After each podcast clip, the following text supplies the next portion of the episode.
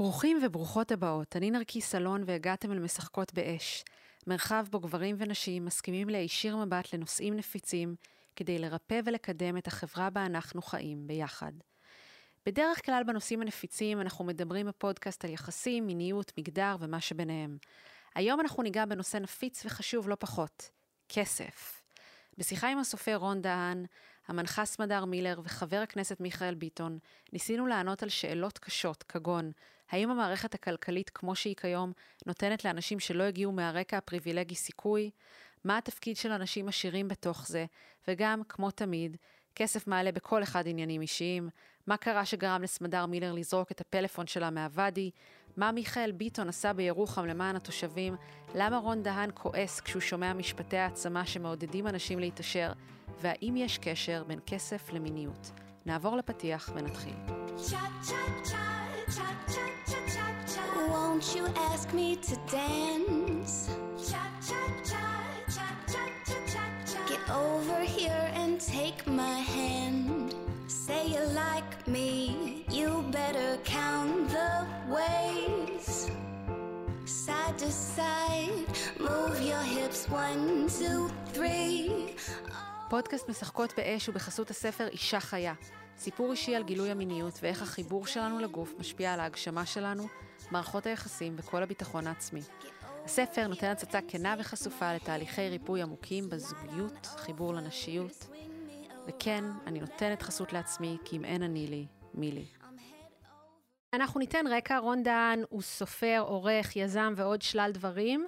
הוא ערך ביחד עם נועה ברקת את הספר שלי, אישה חיה, ותוך כדי בין עריכות אנחנו היינו נכנסים לדיונים פילוסופיים, אמוציונליים וגם מאוד מעשיים על כסף. יש באמת איזשהו חוט מקשר מרתק שכזה בין כסף ומיניות. שניהם מניעים את העולם, אבל אנחנו נמנעים מלדבר עליהם. על שניהם יש לרוב בני האדם המון המון המון אישוז, כל אחד והבעיות שלו, ושניהם גם מייצגים ראי מסוים של החברה בה כולנו חיים. המטרה שלי בלהתחיל דיון בנושא מאוד דומה למה שהרגשתי כשהתחלתי דיון על מיניות. אני גם רוצה להפסיק להתבייש ולהפסיק להסתיר דברים שקשורים לזה, אה, גם בפני עצמי וגם בפני העולם. אז אה, אנחנו נתחיל. היי רון, איזה כיף שאתה פה. אהלן, תודה שהזמנת אותי אה, שוב, יש לציין. נכון. אז דבר ראשון, רציתי שנתחיל בזה שאני הולכת לתת לך שאלה דו-שלבית כזאת. אני גם רוצה שתשתף אותי מה הדבר הזה שקוראים לו כסף מעורר בך, ומה לדעתך הקשר בין כסף ומיניות. אה, ברמה האישית, אה, כסף, אה, כשאני מסתכל על זה לאורך השנים, הוא, אצלי הוא תמיד היה נושא, אוקיי? זאת אומרת, הוא אף פעם לא היה משהו שלא מתייחסים אליו, או שלא מדברים עליו, או, או שלא מתעסקים בו. ממש מאז שאני זוכר את עצמי, כסף על כל גווניו, אה, ושלל העיסוקים בו, מכל מיני, מכל מיני זוויות והשקפות, תמיד היה נושא. אה, גם בבית שלי, אה, הורים ומשפחה, וגם, וגם בבגרותי. אז ככה שיש לי, היחס שלי לכסף הוא ממש, ממש, ממש אפשר למשוך אותו מהילדות עד כעת, לראות את, את השינויים, את האופן שבו חשבתי עליו, האופן שבו אני חושב עליו עכשיו, אה, אבל אני כן יכול להגיד שזה מאוד דינמי, כלומר שזה נושא שאני מתעסק בו. אה, אז זה, זה, מה שמעורר בי, מה שזה מעורר בי, שאני שומע את המילה כסף, זה מעורר בי את, את היחס לכסף. כלומר, את היחס שלי לכסף באותו, באותה תקופה, אה, באותו רגע שאני נשאל.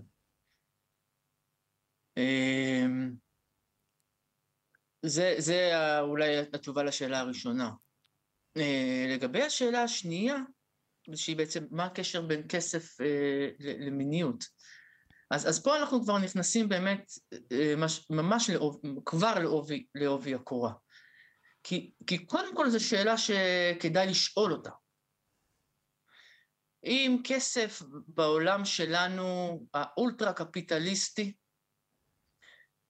מסמן שפע, כלומר, כסף אה, זה המילה המסמן, והמסומן הוא שפע, חיים טובים, ו... ולדעתי הכל, זאת אומרת, גם בריאות, נגיד. כסף גם מסמן בריאות. וכסף גם מסמל גם הון, הון בה' והון באלף. כלומר, הוא מסמל בעולם שלנו גם יכולת מינית. אה, כמובן, לפי המגדר. אה, אז הקשר בין כסף למיניות, לדעתי, הוא, הוא קשר אה, מורכב מאוד, שלדעתי הרב, זאת אומרת, ההשפעה שלו היא יותר לא טובה מאשר טובה. רגע, איך אתה, לפני שאתה ממשיך, למה אתה אומר שכסף מסמל בעיניך יכולת מינית? תראי, זה, זה, לא רק, זה לא רק מסמל בעיניי, זאת אומרת, אה, כמעט בכל המחקרים האחרונים, ששאלו אה, אה, נשים איזה טייפ הן מעדיפות, אפילו ששמו להם נניח, לא יודע, או, תמיד יש טייפים, כן, האופנוען, אפשר לראות את זה באמת בקבוצות של, נגיד, של הספרות הרומנטית. אז רוב, רוב הנשים יגידו איש עסקים. אבל כלומר, זה, לא, זה לא בהכרח. אתה מתכוון משיכה מינית, או כי הן רוצות ליהנות מהדברים הנוספים שהוא, לא, לא, שהוא מביא? לא, משיכה מינית. אוקיי. משיכה מינית. כן. משיכה מינית. אה, איש עסקים, כלומר בעל הון. אבל כנראה כי זה מזוהה עם כוח, ויש משהו שמושך... אתה מבין מה אני אומרת? כן, זה לא, זה לא רק מזוהה עם כוח, זה מזוהה עם הצלחה. כן. לא, כי מעניין איך הם היו אומרות, נגיד, על גנרל. אולי בתקופה, אה, באמת אנחנו יודעים שבשנות, אה, לא יודע מה, בשנות, אה, בשנות ההקמה של המדינה, אז גנרלים אכן נחשבו לאנשים סקסיים. כן. כלומר, לאנשים שכן, בטח, אני נשואה או יוצאת עם איש, זאת אומרת, עם גנרל, זה, זה בהחלט משהו בעולם. והיום הכסף, ההצלחה, ההישגיות, ההון, הוא בהחלט שווה, שוב, כדימוי, כייצוג, ולא, אנחנו לא מדברים פה על אמת, אלא כתרבות, אה, הוא שווה להון, באלף. כן. אה, וזה זה, זה, זה קשר בעייתי. למה? אה, כי הוא, למה הוא קשר בעייתי? אני חושב שהוא הוא, הוא מעיד משהו על החברה שלנו. הוא מעיד משהו על הייצוגים שאנחנו בוחרים לעצמנו, הייצוגים המיניים שאנחנו בוחרים לעצמנו. אה, ובהנחה שלרוב העולם אין כסף, אה, אפילו בעולם המערבי לרוב העולם אין כסף. כלומר, לא כל, ה, לא כל האנשים, לא כל הגברים, כל האנשים הם בעלי הון, אפילו רובם לא. אה, לכן הייצוג הזה הוא, בעייתי, הוא מאוד מאוד א', הוא מנותק מהמציאות בעיניי, וב', הוא קושר, הוא קושר משהו, הוא קושר אה, צרכנות, הוא קושר אה, אה, אה, פאר, אה, הוא, הוא קושר אה, אה, חיים נהנתנים, אה, הוא קושר כוח, כן? למיניות. כמו באותו אופן שבו גנ... שגנרלים נקשרו אה, למיניות, כן? זאת אומרת, הדימויים שלנו הם דימויים אה, כוחניים, הם דימויים של, אה, של שליטה ושל הישגיות. ואני חושב שזה קצת בעייתי, זאת אומרת, זה לא, זה בעייתי. אתה יודע, זה לוקח אותי לשני מקומות, גם אה, יש משהו כשאמרת שזה לא מחובר למציאות, שזה קצת כמו להגיד שזאת ההשפעה של פורנו על המיניות שלנו. אז אפשר לומר שבאיזשהו מקום ההשפעה של uh, התקשורת והמודלים של ההצלחה זה כמו שפורנו יתערב לנו במיניות. אז במובן מסוים uh, זה ממש מעניין. והדבר השני, ציטוט שלדעתי גם בשיחה הקודמת שלנו הזכרנו, של אוסקר ויילד, שאומר, uh, um, everything in life is about power, except, uh, לא, everything in life is about sex, except sex. Sex is about power. Um, שזה ממש מעניין, כי זה משהו... Uh, שמדבר על זה שזה בעצם תמיד, תמיד היה ככה, במובן מסוים. נכון. פשוט סמלי הכסף השתנו, אה, סליחה, סמלי הכוח השתנו, אבל, אה, אבל בעצם תמיד זה היה ככה אצל בני האדם ברמת הפסיכולוגיה והמבנה הרגשי והנפשי שלנו.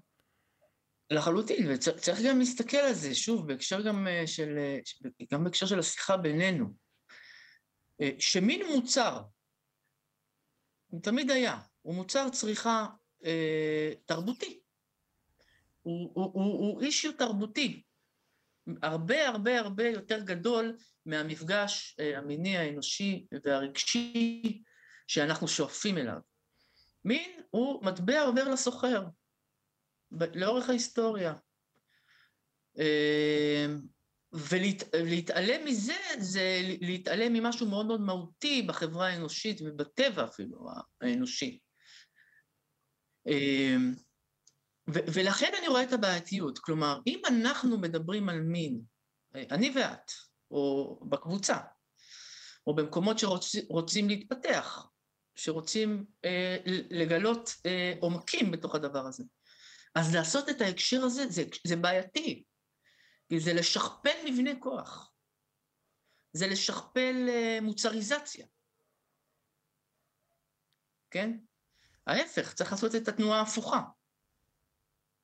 כן, אבל אמ, טוב, בוא, אנחנו נחזור לזה עוד, כי אני חושבת שיש בעייתיות מסוימת בלקחת אה, דברים מסוימים שנמצאים באופן טבעי בהתנהגות ובטבע האנושי, ולצפות שהם ישתנו בגלל שאנחנו אומרים שזה לא בסדר.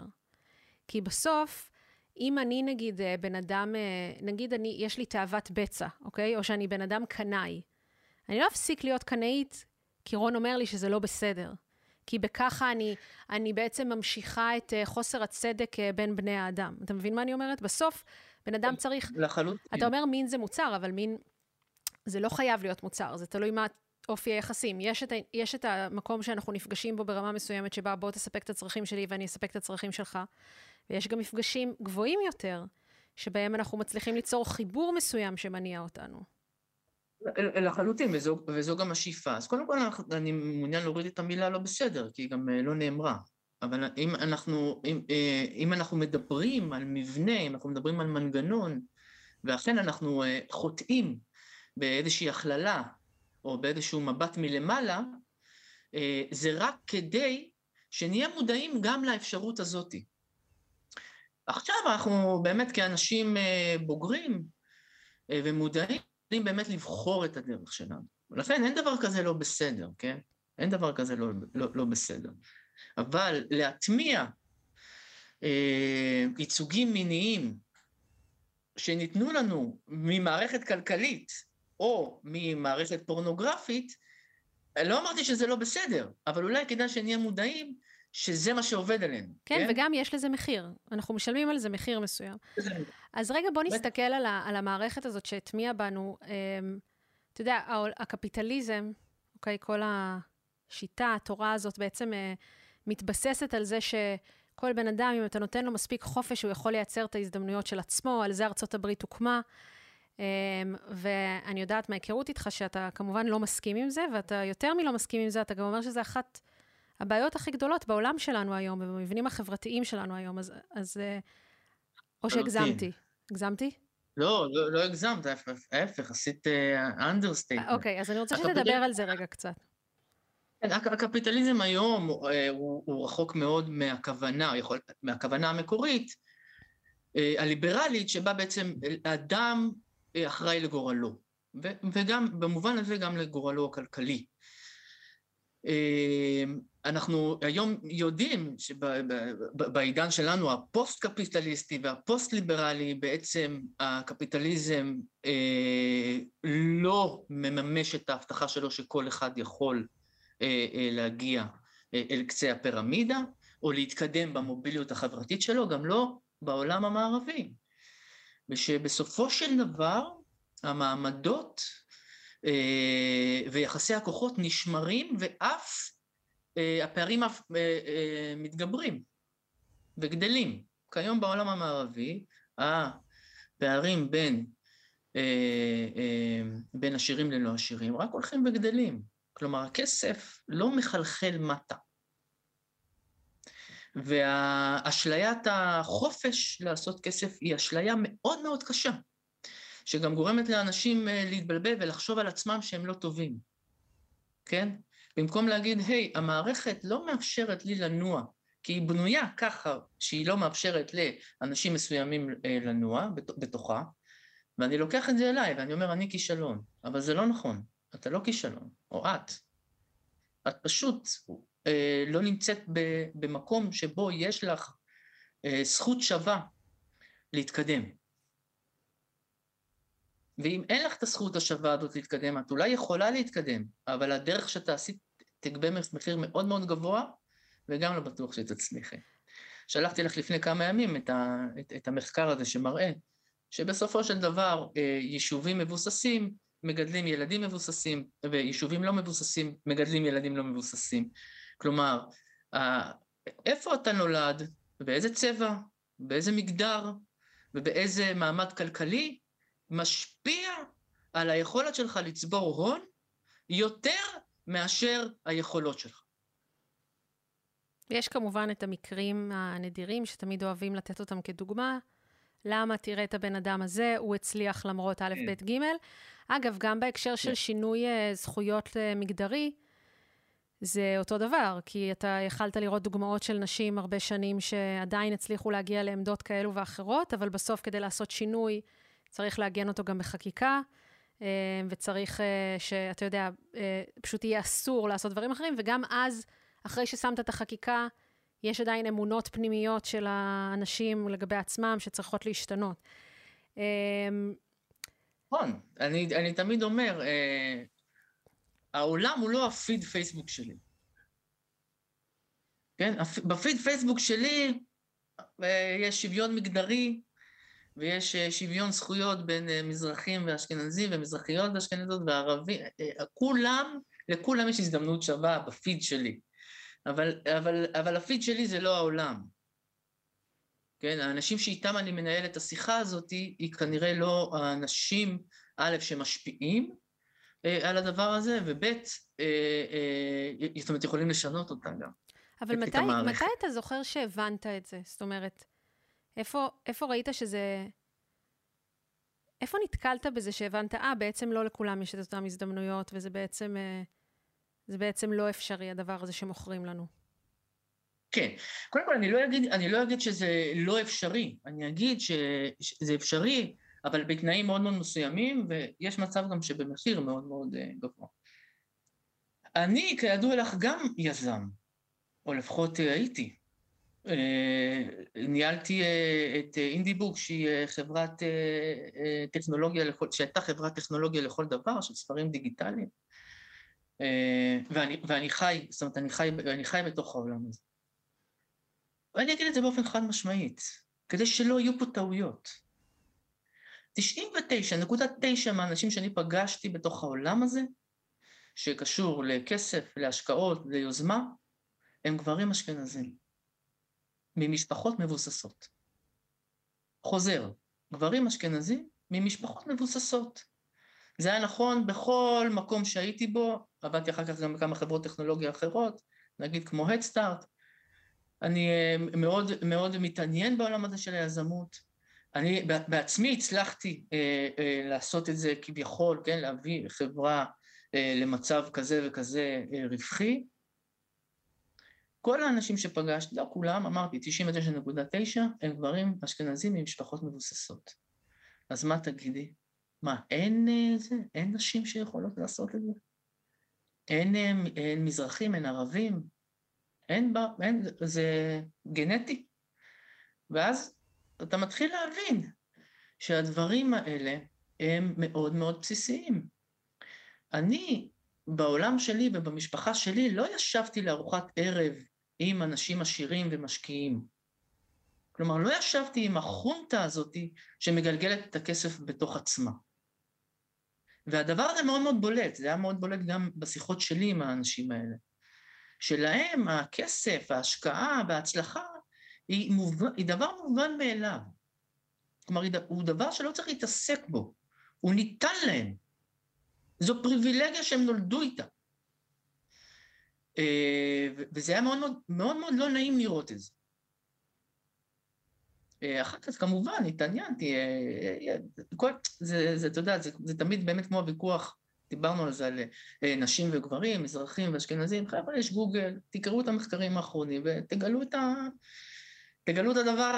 הדבר המאוד מאוד אה, מתסכל הזה בעצמכם, שלא לא כולם שווי זכויות, שיש כאלה ששווים יותר. מה לדעתך הדרך לשנות את זה? אה, וואו, שאלה אין לנו, גדולה. אין לנו שום אה, תקדים לזה בכלל בהיסטוריה, זה נראה שהטבע האנושי תמיד היה ככה. וגם שהלכת נכון. לכיוונים כאלה של אה, קומוניזם כביכול, זה לא, זה לא הפתרון. אה, אז מה, מה אתה רואה כמצב שהוא תקין? אה, זו, זו שאלה נהדרת. אה, אני, אני יכול, אני לא יודע, קודם כל אני לא יודע, כי אני לא כלכלן.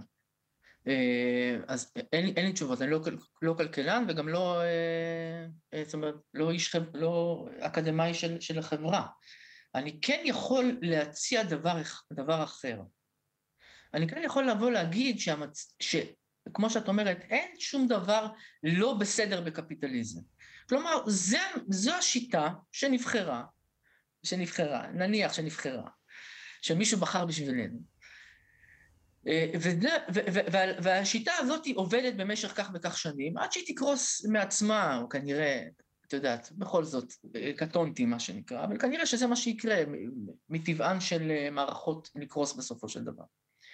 מה שאני הייתי רוצה לראות, זה שזו לא האופציה היחידה. כלומר, ש, שהאנשים שבאמת רוצים אה, אה, לעשות את ההון אה, על, כל ה, על כל מה שזה מביא איתו, אדרבה ואדרבה. אבל מה עם אנשים שלא מעוניינים, שרוצים אה, להישאר במקומם, לעבוד כמובן, אה, להיות חלק מהחברה הזאת? למשל, אני כסופר, או כסופר שהוא אפילו די מצליח, שכתב כך וכך ספרים, אה, שעורך כך וכך ספרים, שחי בתוך העולם הזה, ואפילו אפשר לומר שהוא יצרני בתוך העולם הזה. כלומר, אני תורם לעולם הספרות והתרבות כמיטב יכולתי. מדוע אני כאדם לא יכול לחיות ברווחה? זו, זו שאלה. מדוע הקפיטליזם מכריח אותי לשחק את המשחק? כי אחרת אני בעצם לא אוכל לחיות, אני לא אוכל לשרוד. לא, אז אתה מדבר? על, אה, על מצב של הכנסה בסיסית אוניברסלית, שתינתן ל, לכל אדם. לא, היא לא צריכה לתת לכל אדם. אני עובד. אני צריך שמה שאני עובד, הכמות שעות שאני עובד, יה- תהיה ו- מספקת, התחיל- כן. היא תהיה... כן, את אפילו לא יודעת שזה לא מספק. לא, אבל אה, לצורך העניין, אפשר היה להסכים על סכום מסוים שהמדינה נותנת, ש... סכום מסוים שצריך כדי לחיות בצורה אה, אה, המדינה לא. המדינה לא צריכה לתת לי כסף, המדינה צריכה להיות הוגנת. לא, אבל היא יכולה, היא יכולה להעלות את ה... אתה נגיד מקבל X מהעבודה שלך, והיא יכולה להשלים לך ל-4X לצורך העניין. או שהיא יכולה להוריד את אה, יוקר המחיה. נכון, זו? אופציה אחרת, נכון. כן, לא לתת לי כסף, אלא לדאוג לכך שהכסף שאני עושה, ואני עובד די קשה, יש לומר, ודי הרבה, יספיק לי לחיים נורמליים. ואת יודעת, אני, אני אדם מאוד מאוד פשוט. שכר דירה, חינוך לילדים, אה, קניות בסופר. העובדה היא שאדם אה, כמוני, ועוד רבים אה, כמוני, נשים וגברים, אבל כנראה יותר נשים, אה? שעובדים למחייתם לא, ב, לא במקצוע שהוא קפיטליסטי במהותו, כלומר לא הייטק, או עריכת דין, או, או, או, או, אה, אה, או מקצועות שנחשבים שהמערכת הקפיטליסטית אוהבת, אלא נמצאים ב, לא יודע מה, מרמת הסופר, משורר, אה, נהג אוטובוס, בעל בית קפה, אה, שכיר, רגיל, לא יכול לקיים את עצמו, עובד סוציאלי, לא יכול לקיים את עצמו בכבוד. המערכת מכריחה אותו לחשוב כל הזמן איך הוא מגדיל את הרווחים שלו ואיך הוא מגדיל את ההכנסות שלו.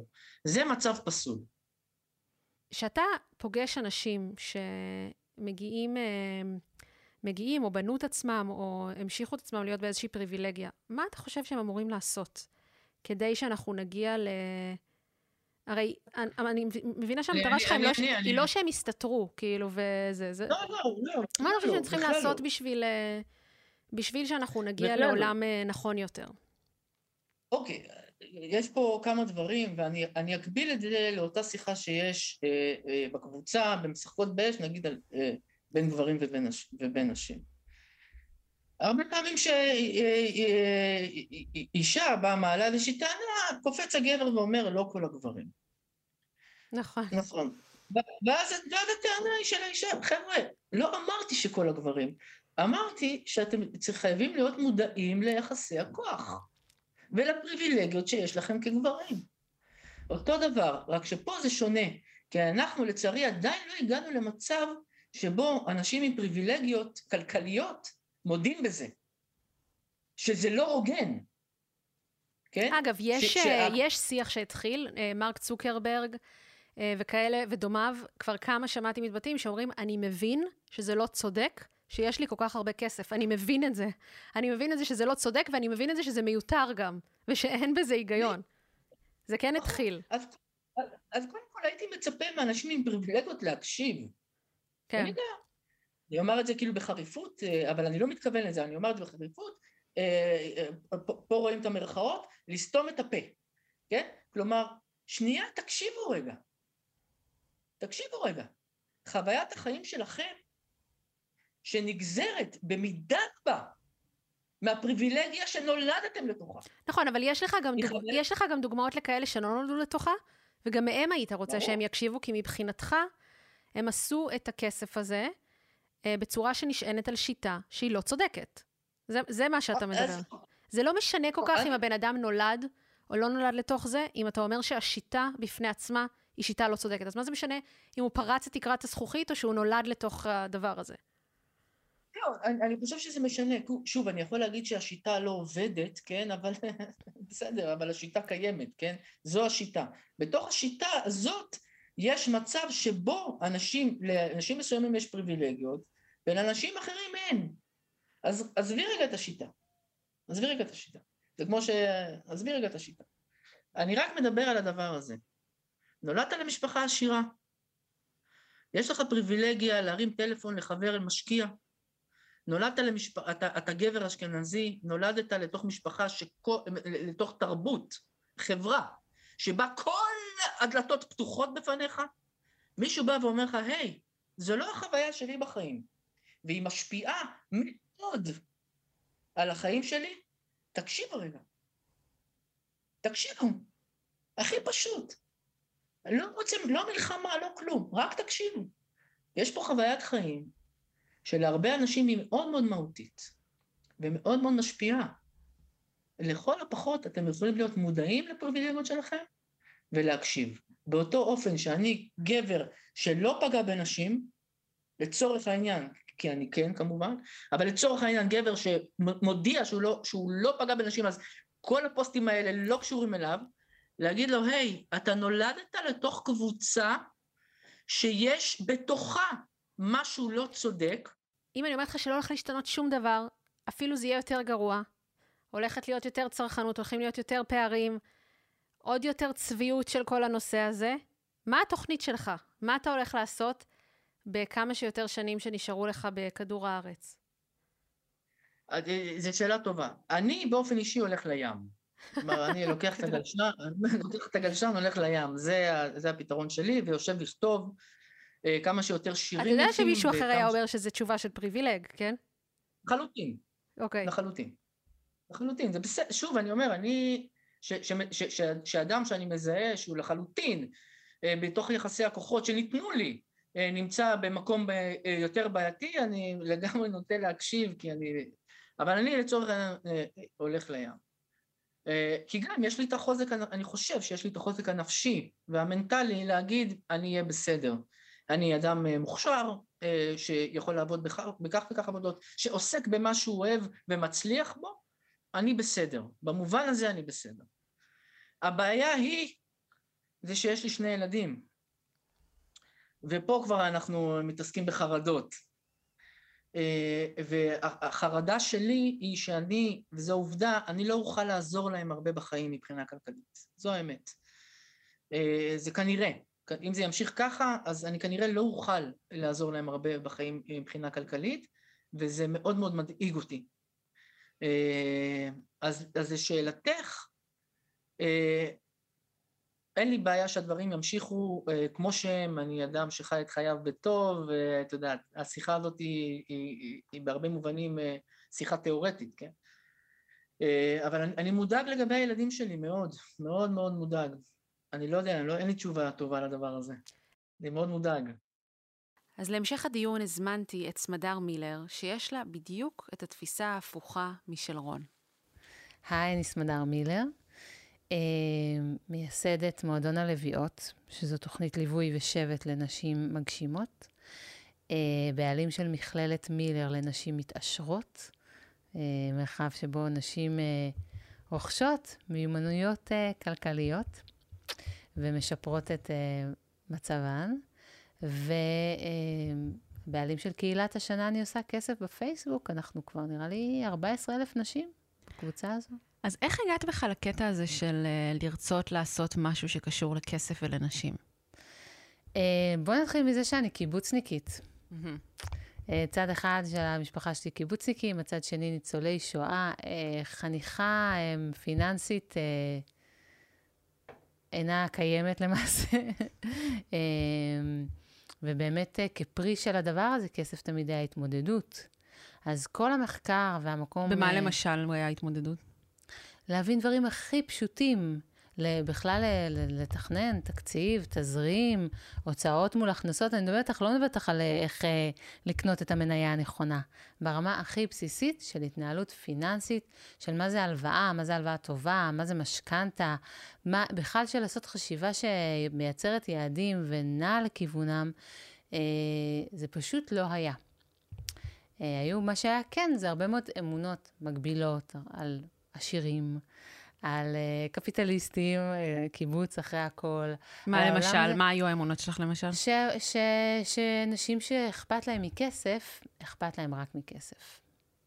שזה שטחי, שזה לא הדבר, כסף זה לא הכל בחיים, וזה לא כזה חשוב, ויש דברים הרבה יותר חשובים מזה. ו, אמ, ובאופן כללי זה לא משהו להתעכב עליו, להיות ב, ב, בתשומת לב או בחיבור אליו, ובטח ובטח לא מה שאני רואה היום, שהיום אני תופסת כסף כמורה, אפילו כמורה, mm. כמרחב שדרכו יש המון אפשרות להתפתחות אישית, רגשית, אנושית, כמשהו שמחבר אנשים, ככוח יצירה מאוד מאוד גדול, שיש אנשים שעושים בו שימוש שלילי, לא, וזה לא הופך את הדבר עצמו לשלילי, ושהוא פותח המון המון אפשרויות למה שמערכת הערכים שלי מכתיבה, אני לא צריכה מערכת ערכים אחרת. את זוכרת רגע שבו את כזה, די, אני לוקחת את זה עכשיו בשתי ידיים ואני עושה שם שינוי? היו הרבה רגעים כאלה. אבל משהו מכונן כזה ש... אני זרקתי את הטלפון שלי לוואדי. היה את הרגע. מה זאת אומרת? כן, כן. במקרה או בכוונה? הנה, יש לך uh, כותרת. כן. uh, אני ישבתי מי שלימים הוא בעלי, אבל uh, היינו רק... Uh, אז בתחילת הקשר שלנו, אני מקבלת טלפון מהבנק, את הטלפון, הלא יודעת, הדו-שנתי של... Uh, מה קורה? מה קורה, שאחריו, מפה לשם, הלוואה, כאילו מכסים את המינוס איכשהו כזה. הדפוס הזה שהוא, שיש להמון אנשים, לכרות בור של מינוס, ואז לקחת איזושהי הלוואה, לכסות אותו. ו... אני כבר, יש לי עסק, אני מרגישה שהוא מצליח, יש הכנסות, יש תנועה. ואת רוצה להיפטר מהדבר הזה כבר. ואני כל כך מתעצבנת, מרוב, זה היה רגע של איבוד שליטה, זו מרפסת בטבעון שם על הוואדי. אני לוקחת את הטלפון שלי ואני זורקת אותו לוואדי מרוב עצבים. וואו. ו... ו... ואז, אוקיי, ואז מתחילה הדרך, ואז, ואז ניסים לימים בעלי, אומר לי, ממי, אולי שבי רגע, תעשי איזה אקסל. אולי זה פתרון יותר אפקטיבי מלזרוק את הפלאפון. אז אני חייבת להגיד שבמקום שאני אז הייתי, לזרוק טלפון לוואדי נשמע משהו הרבה יותר... נגיש. בר קיימא, יותר סיכוי שאני יותר רואה את עצמי עושה את זה, מאשר יושבת מול אקסל. וואו. אז קודם כל אני מבינה באיזשהו שלב שאני לא יכולה לעשות את זה לבד. אני צריכה עזרה של מישהי שבשבילה אקסל זה כיף. ו... וכלי, ומתנה. ובאמת זה המקום שאני רגע רוצה להגיד שבדרך שלנו לשנות תודעה כלכלית, הסביבה שלנו היא מאוד מאוד משנה. אנחנו בדרך כלל, ויש על זה מחקרים, מוקפים באנשים, אומרים שחמשת האנשים הכי קרובים הם אלינו, מי שאתה. הם ממוצע ההכנסות שלהם, זה יהיה כן. ההכנסות שלנו. ואנחנו הרבה פעמים נמצאים בסביבה שמדברת את אותה מערכת אמונות כלכלית כמונו. אני הייתי מוקפת באנשים שאלרגיים לאקסל ושמתנהלים באיזושהי התגלגלות כזו. אמ, אז כדי להצליח לעשות את הקפיצה בתודעה, אנחנו הרבה פעמים צריכות רגע להשתכשך במרינדה של מישהו עם תודעה אחרת. וזה חלק ממה שאנחנו גם עושות היום במכללה. אבל אז אני פשוט מצאתי את האישה שהיום יש את הכספים בחברה שלנו, אבל אז היא ישבה איתי על האקסל הקטן של הבית שהיה לי, ומישהי שזה ממש אה, מרגש אותה לראות את התמונה, מרגש אותה לדייק את הדברים עד האפס כן, זה שאחרי גם בלי הנקודה. הכבדות הרגשית שמגיעה. לגמרי, ופי, רק ש... ורק הייתי צריכה לעשות את זה איתה. לא יכולתי לעשות את זה בתוך, הרי מערכת האמונות שלנו, במובן הכלכלי במיוחד, היא סוג של כלא. שומר נכון. עלינו, חמים, מוכר, בטוח, אבל מאוד קשה לנו בכוחות עצמי, ממש קשה לי לראות שאלו מערכת האמונות שלי ולא המציאות. ורגע לשבת עם מישהו שנמצא מחוץ לכלא הזה, אה, זו בעיניי חלק מהאסטרטגיה להתקדם מהתודעת אה, שפע שיש לנו. אז אחר כך באמת נדבר על דברים שאפשר לעשות, אבל אני רוצה לפני זה, בגלל שבשיחה עם רון, בעצם אחד מהדברים שהוא מדבר עליהם, זה שהוא אומר, אוקיי, אפשר לבוא עם כל התיאוריות האלה להעצמה עד מחר, בסוף, המשחק הכלכלי היום בנוי בצורה שהיא לא הוגנת. אנשים מסוימים מתחילים את המשחק הזה כשיש להם אה, סט מאוד גדול של כלים והזדמנויות, ואנשים אחרים מתחילים שאין להם כמעט סיכוי, וכל עוד אנחנו אה, בעצם אה, מנסים לעשות את כל השיטות האלה, לשפר את עצמנו, אנחנו לוקחים חלק ממשחק שהוא מראש משחק שהוא פשוט לא צודק. ומה את חושבת על זה? מה האלטרנטיבה שהוא מציע? לא, אז אה, את יודעת, זה תלוי. אלטרנטיבה אחת אפשר להגיד, יאללה, מהפכה. אה, ואפשר, יכול להיות שעוד כמה שנים, יכול להיות שעוד כמה שנים מהיום, כל העולם הכלכלי יהיה אחרת לחלוטין, ויהיה הרבה יותר שוויוני ועם הזד- הזדמנויות, זה יכול להיות. יכול להיות שאנחנו ניצבים לפני שינויים מרחיקי לכת, אוקיי? אה, ואפשר לבוא ולהגיד, אני לא במשחק. את יודעת, יש אנשים כאלה שהם, אין להם חשבון בנק, הם הכי מינימליסטים שיש וזה, ואפשר להגיד, יאללה, אני משחק, אני משחקת במשחק, אני בקפיטליזם, טה-טה-טה. אבל גם, מעניין אותי איך את רואה את זה, וגם אה, האם את באמת חושבת שיש שם חוסר צדק מסוים בשיטה, ושאנשים מסוימים יכולים ואנשים אחרים פשוט לא יכולים וכולי, מהניסיון שלך בעבודה עם אנשים, נשים. קודם כל, אני בעצמי הרי באה מ... מרקע של קיבוץ, שכביכול אפשר להגיד שזה פריבילגיה, אבל מבחינות אחרות, מבחינה תודעתית, כלכלית, עוזבי קיבוץ, אני לא חושבת שמאיזשהו מקום אה, של יתרון. בעלי גדל בקריית ים, בתוך תודעה מאוד מאוד בסיסית של מעמד הפועלים. אני מכירה מקרוב וחיה, וגם כמובן נשים שאני מלווה, שהבתים בהם גדלנו הם מאוד מאוד משמעותיים להמשך הדרך שלנו. ונכון, הבתים שבהם גדלנו הם גם חלק, אפשר להסתכל על זה מאיזושהי שכבה סוציו-אקונומית, ובין השכבות השונות מתקיימים כל מיני סוגים של מערכות יחסים, אפשר לה- להסתכל עליהם לגמרי במובנים של אה, ניצול ושל דורסנות וכולי. האמת, זה לא הפוקוס שלי. הפוקוס שלי זאת אישה בת 60, שנרשמה על הקורס, יש לי נכס, ופעם ראשונה בחיים הבינה שה... בית שהיא כבר סיימה לשם עליו את המשכנתה, או קרן השתלמות שהיא חסכה כל החיים שלה, כי היא עבדה במשרה מאוד פשוטה. אוקיי, אישה מאוד פשוטה בנקודת השכלה, והיא יוצאת מהקורס הזה, ויש לה השקעה מניבה בארצות הברית, והיא במקום אחר, והעתיד שלה נראה אחרת, והפנסיה שלה נראית אחרת. מבחינתי, להנגיש את המידע ואת האפשרות הזאת לכל אישה שרוצה במחיר שווה, שווה לכל נפש, זה מרגש אותי. האם אני חלק עכשיו מהמערך ה... לא כך פייר, לא אכפת לי. ואני רק אגיד באופן אישי, אני כל פעם שהצטרפתי לאיזשהו מהלך אה, אקטיביסטי, לי אין לזה דלק. אחרי כמה זמן, זה לא מעניין אותי. יותר מעניין אותי ליצור משהו, אפילו ליצור בועת מציאות מסוימת, שכל מי, ושהיא נגישה, שהיא פתוחה, ושמי שבתוכה יכולה לקדם, אנחנו רואות את התוצאות בעיניים ומתרגשות מנשים שמשפרות את מצ, מצ, מצבן, מהפרטים שאני יכולה להסתכל לה בעיניים ויש לה שם, מאשר ללכת עכשיו למחות על איזשהו משהו גדול, ש... שלא נראה שהוא כל כך מתרשם. מהמחאה שלי, וגם שהרבה פעמים כששוהים שם מספיק זמן, מגלים שרוב האנשים שכן יש להם דלק לזה, זה לא הנושא שלשמו התכנסנו. יש שם כל מיני אג'נדות ואינטרסים ודברים אחרים. אז באופן אישי, הפוקוס שלי הוא כל אחת מאיפה שהיא נמצאת, איך היא מגיעה למצב טוב יותר. האם זו אשליה? לא. האם זה להוליך אנשים שולל? לא. עובדה היא, אנשים משפרים את מצבם. נקודה. כן, נשים הזמן. משפרות את מצבן. כן. בתוך הלמידה הזאת.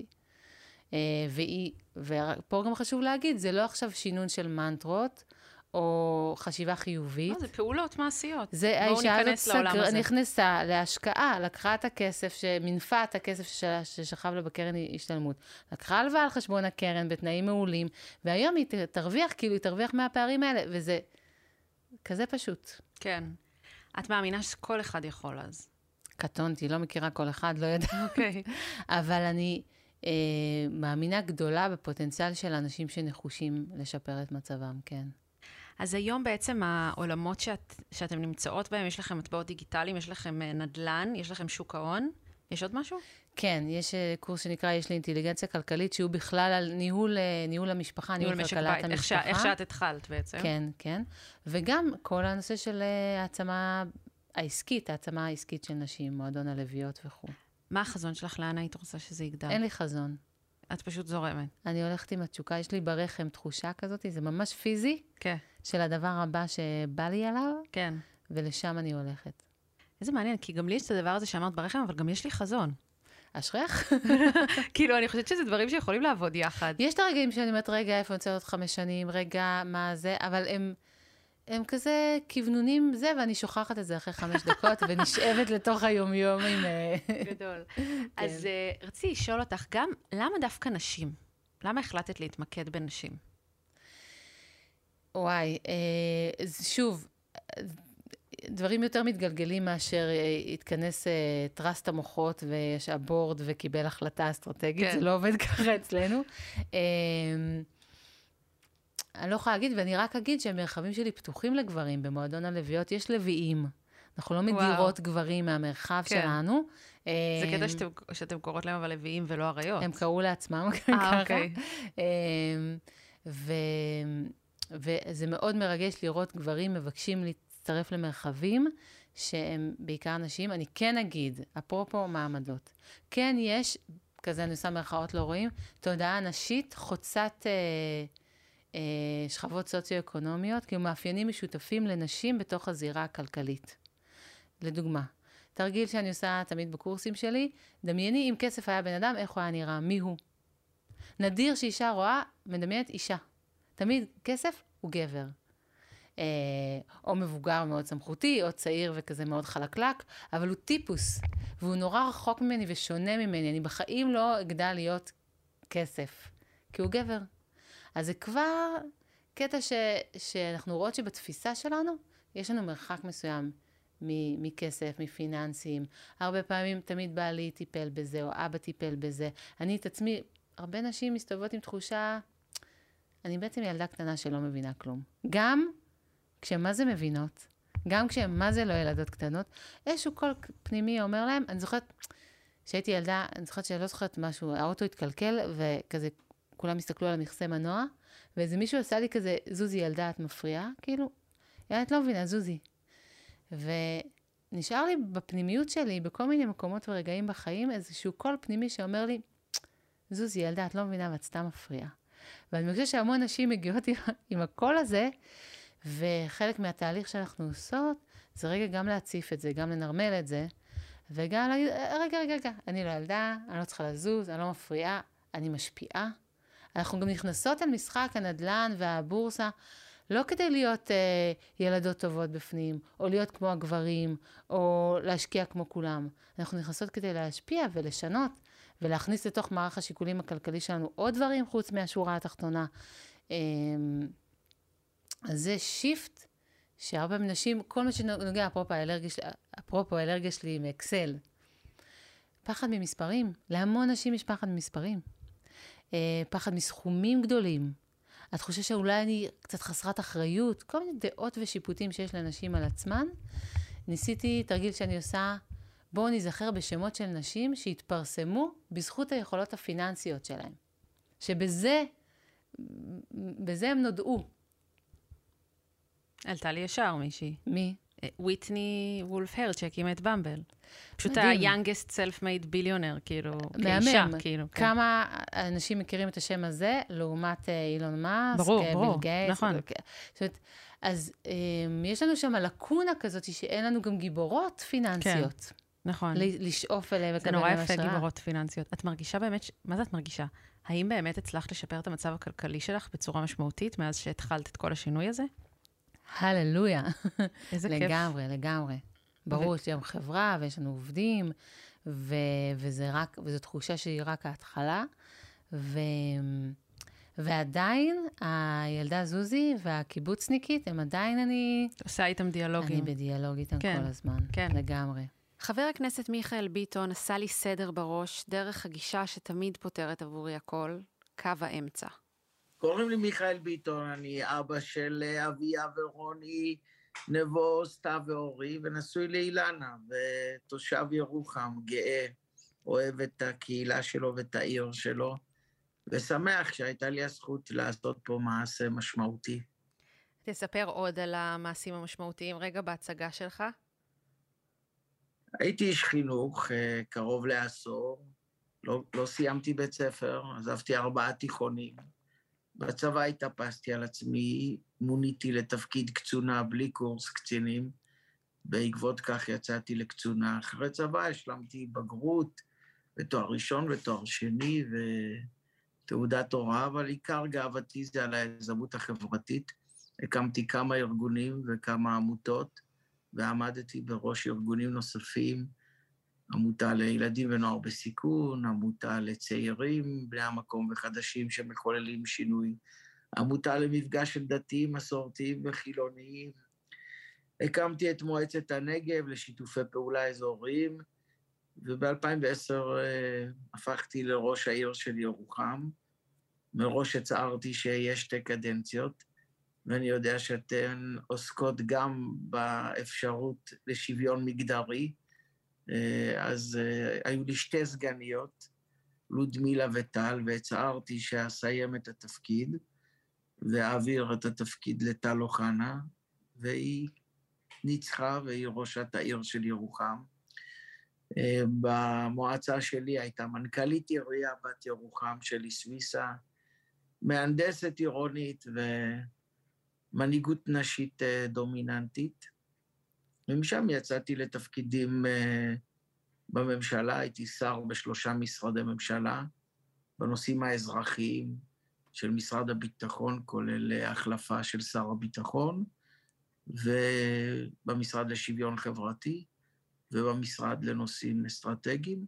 זכיתי גם להיות יושב ראש ועדת כלכלה בשנה האחרונה, אה, ולעבוד מול שמונה משרדים המפוקחים בוועדה הזאת, כולל שיכון, כלכלה, אה, חקלאות, נגב, גליל, אה, תקשורת, תחבורה, אה, תשתיות ועוד, ודרך המשרדים האלה להיאבק גם על שוויון הזדמנויות וגם על צמצום פערים בחברה הישראלית, ואני גאה בעשייה שלנו בשנה האחרונה בוועדת כלכלה.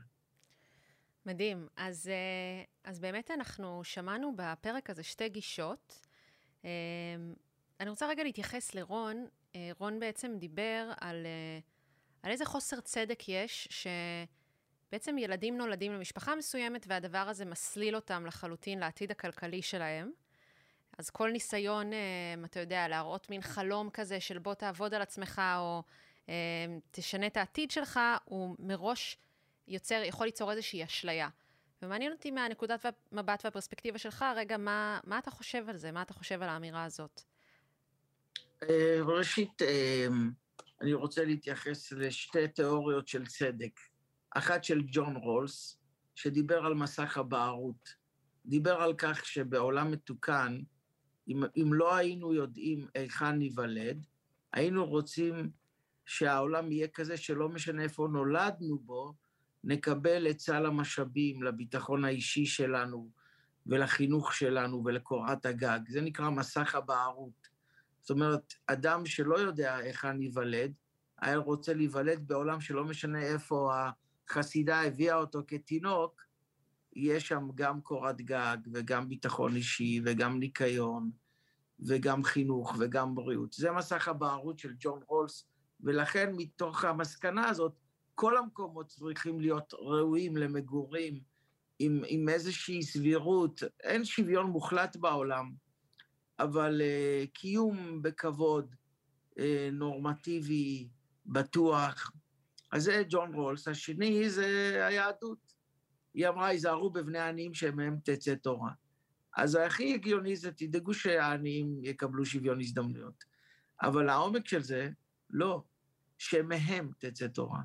דווקא אותם בני העניים, בכור ההיתוך של הגדילה שלהם, מתפתחים להיות אנשים דרמטיים. אפשר להסתכל על אה, ביל קלינטון, שגר בעיירה קטנה בהופ, והתייתם מאביו כילד צעיר, או סטיב ג'ובס, שנמסר לאימוץ, והלל הזקן ורבי עקיבא, ועוד גדולי עולם ששינו את העולם ודווקא באו מבית עני. במובן הזה של האם אנחנו יכולים לשנות את גורלנו, והאם האחריות היא רק שלנו, התשובה היא משולבת.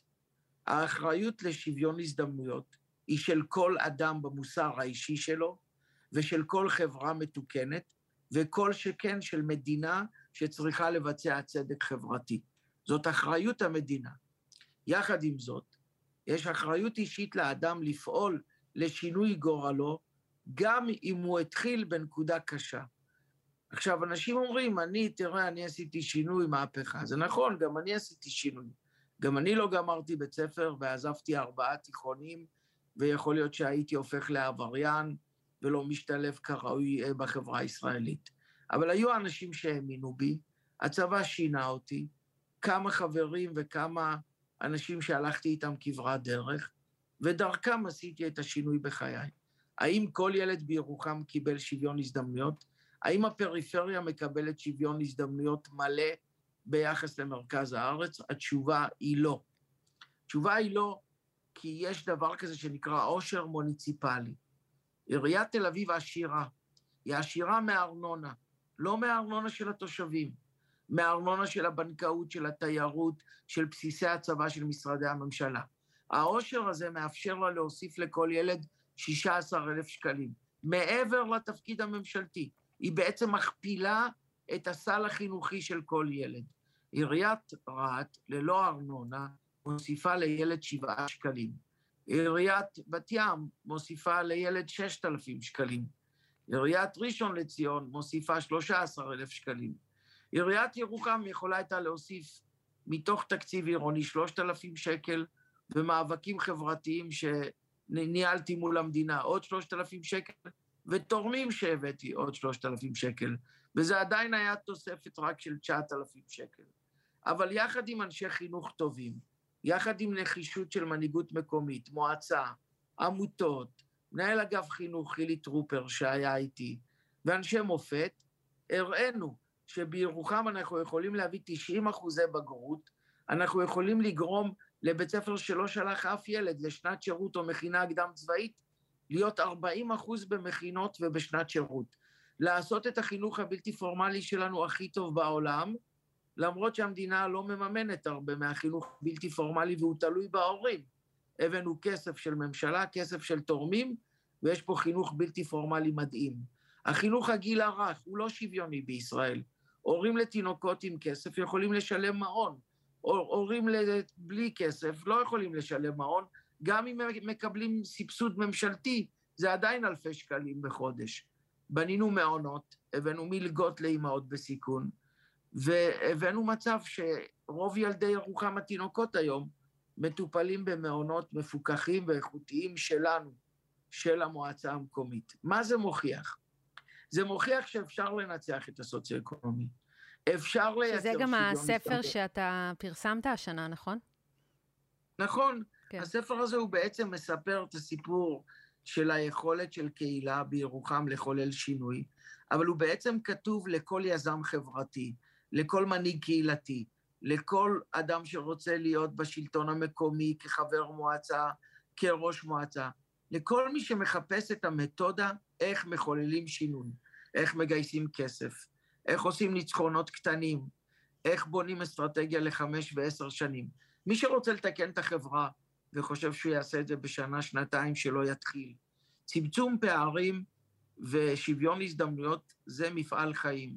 זה דבר שאתה מתמסר אליו בין חמש לעשר שנים מינימום, כפרויקט חיים, יום ולילה, ואתה משלם מחיר כבד של זמן, של פנאי, של כסף וגם של עלבונות, ואתה מתמיד. אבל השאלה שלך היא כל כך מדויקת. מי אחראי לצמצום פערים? מי אחראי לשוויון הזדמנויות? מי אחראי שנהיה חברה מתוקנת? התשובה היא כפולה. בראש ובראשונה מדינת ישראל. למה זה לא תמיד קורה? כי צריך כוח פוליטי. כסף זז בגלל כוח פוליטי, לא בגלל אידיאולוגיות, לא בגלל רעיונות, לא בגלל הפגנות. כסף זז למקומות הטובים והנכונים כשאתה יוצר כוח פוליטי. אז אחד, הממשלה והמדינה אחראית. הדבר השני, האזרח, המנהיג המקומי, גם אם הוא התחיל מנקודה קשה, הוא יכול לזוז צעד אחד קדימה. זה תלוי בנחישות שלו, בחדשנות שלו, באמונה שלו, באופטימיות שלו, באהבה שלו לקהילה שלו, גם אם היא קהילה ענייה. אני רוצה להראות לך את זה, את רואה את הידיים שלי במסך? רואה. אני רוצה להראות לכם את המודל הזה כך. יש מעשה נכון של מדינה, ויש מעשה נכון של מנהיגות מקומית ויזם חברתי. אם המדינה עושה את המעשה הנכון, והמנהיגות המקומית לא עושה את המעשה הנכון, כמעט ולא ייווצר שינוי דרמטי, כי הכסף הולך לפח. אם היזם המקומי והמנהיג המקומי עושה את המעשה הנכון, והמדינה לא הגיעה עדיין, יעשה מעשה משמעותי באמצע הדרך. היזם המקומי הנחוש עושה את המעשה הנכון ומביא את הממשלה ואת המדינה אליו, למקומות הנכונים. זאת התורה על רגל אחת של ירוחם. הלכנו וגייסנו כסף מתורמים, ותמיד הבאנו בסוף את הכסף מהממשלה, כולל מאבק בממשלה. יש לי שאלה, אבל אני חייבת לשאול, ואני מאוד מאוד מתחברת לכל מה שאתה אומר, וזה באמת מעורר השראה בטירוף. אבל אני חייבת לשאול, נניח מאזין לזה עכשיו מישהו, הוא לא מצליח לסגור את החודש. הוא לא מוצא, בטח שלא מוצא את הכוחות להיות עכשיו יזם חברתי או איזשהו אקטיביסט, או אתה יודע, בשבילו שאתה אומר בג"ץ, זה באמת נשמע לו כמו לטוס לירח. מה אתה אומר לבן אדם הזה? בן אדם מרגיש בקורבנות, הוא גדל בבית מסוים שלא מאפשר לו את ההזדמנויות, הוא רואה מהצד פערים מטורפים. אבל אתה מדבר פה גם על אחריות אישית. מה אפשר להגיד לבן אדם הזה, על מנת לשפר את מצבו? שני דברים. אחד, אנחנו, אני ואת וכל מי שצופה בנו, צריכים לעבוד למען אותו אדם. לאפשר לו גן ראוי ובית ספר ראוי ותנועת נוער שלא עולה שלושת אלפים שקל ומעונות משופצים וביטחון אישי ובלוקים מתוחזקים. אני ואת וכל מי שרואה את עצמו יזם ומנהיג חינוכי וחברתי וקהילתי צריך לעבוד למען אותו אדם. זאת חובתנו. הוא אישית, למרות שהוא נאבק על הקיום, עם הכנסה דלה ועם חוסר כלכלי, ואני פגשתי את החוסר הזה, ואני גדלתי איתו, ואני פוגש אותו בירוחם יום-יום. ואני לא עושה אידיאולוגיה. אנחנו צריכים לשלם יותר שכר מינימום. אנחנו צריכים לבטל את תשלומי ההורים לאדם שנאבק על הקיום. אנחנו צריכים לעשות חינוך בלתי פורמלי טיפה יותר ממומן על ידי המדינה, ולא תלוי כל כולו אה, בהורים. יש פעולות שאנחנו צריכים לעשות למענו, אבל בראש ובראשונה גם אדם שנאבק על הקיום ינסה להבין שבסוף היציאה מהמשבר היא ההשקעה בילדים שלו, וכל מה שהוא יכול לעשות כדי לקבל את מה שניתן בחינם בחינוך. אני אתן לך דוגמה. ללכת לספרייה בישראל, ברוך השם, זה כמעט בחינם. בירוחם זה בחינם. אתה משלם 100 שקל על הספר, פיקדון לכל החיים, וזהו. מספיק שהורה הולך כל יום עם ילדיו לספרייה, ויש שם מזגן, ומעיינים בספרים, ופוגשים, ויוצרים אוריינות, ופה, לא יודע, רואים ביוטיוב סרטים באנגלית, בלי תרגום. אלה דברים שהם בחינם והם משנה חיים.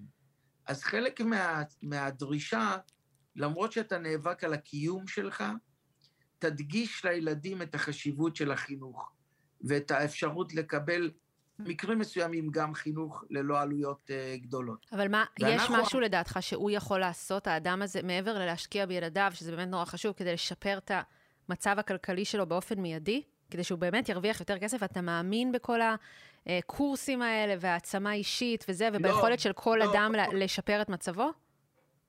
לא, אני, אני, תראה, אני כן מאמין שלאדם יש אחריות אישית. אני לא מאמין שצריך לנזוף בו על זה שהוא עני ועל זה שמצבו לא טוב, או שהוא הגיע לרווחה. לא צריך לשפוט אותו על לא, מצבו. בטח שלא לשפוט, אבל האם אתה מאמין בכל ה... יאללה, מוטיבציה, בוא עכשיו תלמד, אה, ת, תעשה ככה וככה, כאילו, אתה, אתה מאמין שזה אפשרי לכל בן אדם לשנות את מצבו הכלכלי? כן, אבל אני לא זורק עליו את האחריות של המדינה. אם אני אומר לו, בוא ננסה למצוא עבודה, בוא נזוז מטר קדימה. עשיתי את זה בירוחם. היו לנו, אה, יש לנו אלף משפחות רווחה, וגייסתי קרוב למיליון שקל, ואמרתי, בואו נעשה פרויקט שבו אה, עובד סוציאלי עובד רק עם 30 משפחות. אבל תוך חמש שנים הוא קצת מקטין את התלות שלהם ברווחה. אבל לעובד הסוציאלי הזה יהיה כסף להכשרה מקצועית, לקורסים, לקנות מחשב, לראות שהבית הוא בתנאים נאותים. וראיתם על זה תוצאות? ראיתם תוצאות בשטח? ממש, כן. ממש. ייעוץ פיננסי. הרי לחולל שינוי בחייו של אדם שנאבק על הקיום, זה עולמות שלמים. נכון. זה לאפשר לו את ההזדמנויות, וזאת חובתנו כמדינה וכמועצה. זה ההזדמנויות שאנחנו ניתן, אבל את הצעד שהוא יעשה. והצעד שהוא יעשה קדימה, לא בגלל שיטיחו בו, לא יצא ממך כלום, אתה אפס, אתה עני, אתה בטלן, אתה מובטל, אלא יאמרו לו, בוא, בוא נצא למסע משותף, בוא נחפש עבודה, אתה צריך מלגה לילדים, לתינוקות, שלושה חודשים בגן או במעון, אנחנו נדאג לזה. אתה רוצה להתחיל בהכשרה מקצועית, אתה רוצה בעבודה פשוטה, ואז נחפש עבודה עם הכנסה טובה יותר.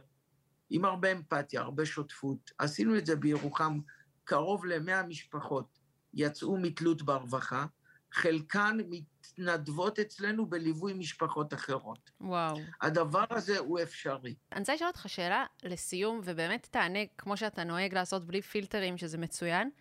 מה לדעתך התפקיד של אנשים אה, עשירים? אה, יש המון אשמה, המון, אה, המון ביקורת כלפי, בעיקר כל מה שקרה עכשיו עם ההייטק, והרבה מתעשרים חדיש, חדשים. מה לדעתך צריך, יש לצפות מהם, אם בכלל? אני אפתיע אותך, אה, אני חושב שאדם עשיר לא אשם בעושרו, ואם הוא עשה את עושרו בהוגנות וביושר, אז זה דבר לגיטימי. וגם קשה להיות בן של העשירים, כי כל החיים יטיחו בך שאתה לא עומד בפני עצמך, אלא גדלת עם כפית של זהב. ואני פגשתי עשירים, וזאת התשובה לשאלה שלך, שאומרים, אני עשיר גדול, אבל את ליבי ונפשי אני קושר לירוחם, למתן שוויון הזדמנויות. לכן, אדם עשיר אה, לא אשם בעושרו אם הוא עשה את העושר בהוגנות וביושר.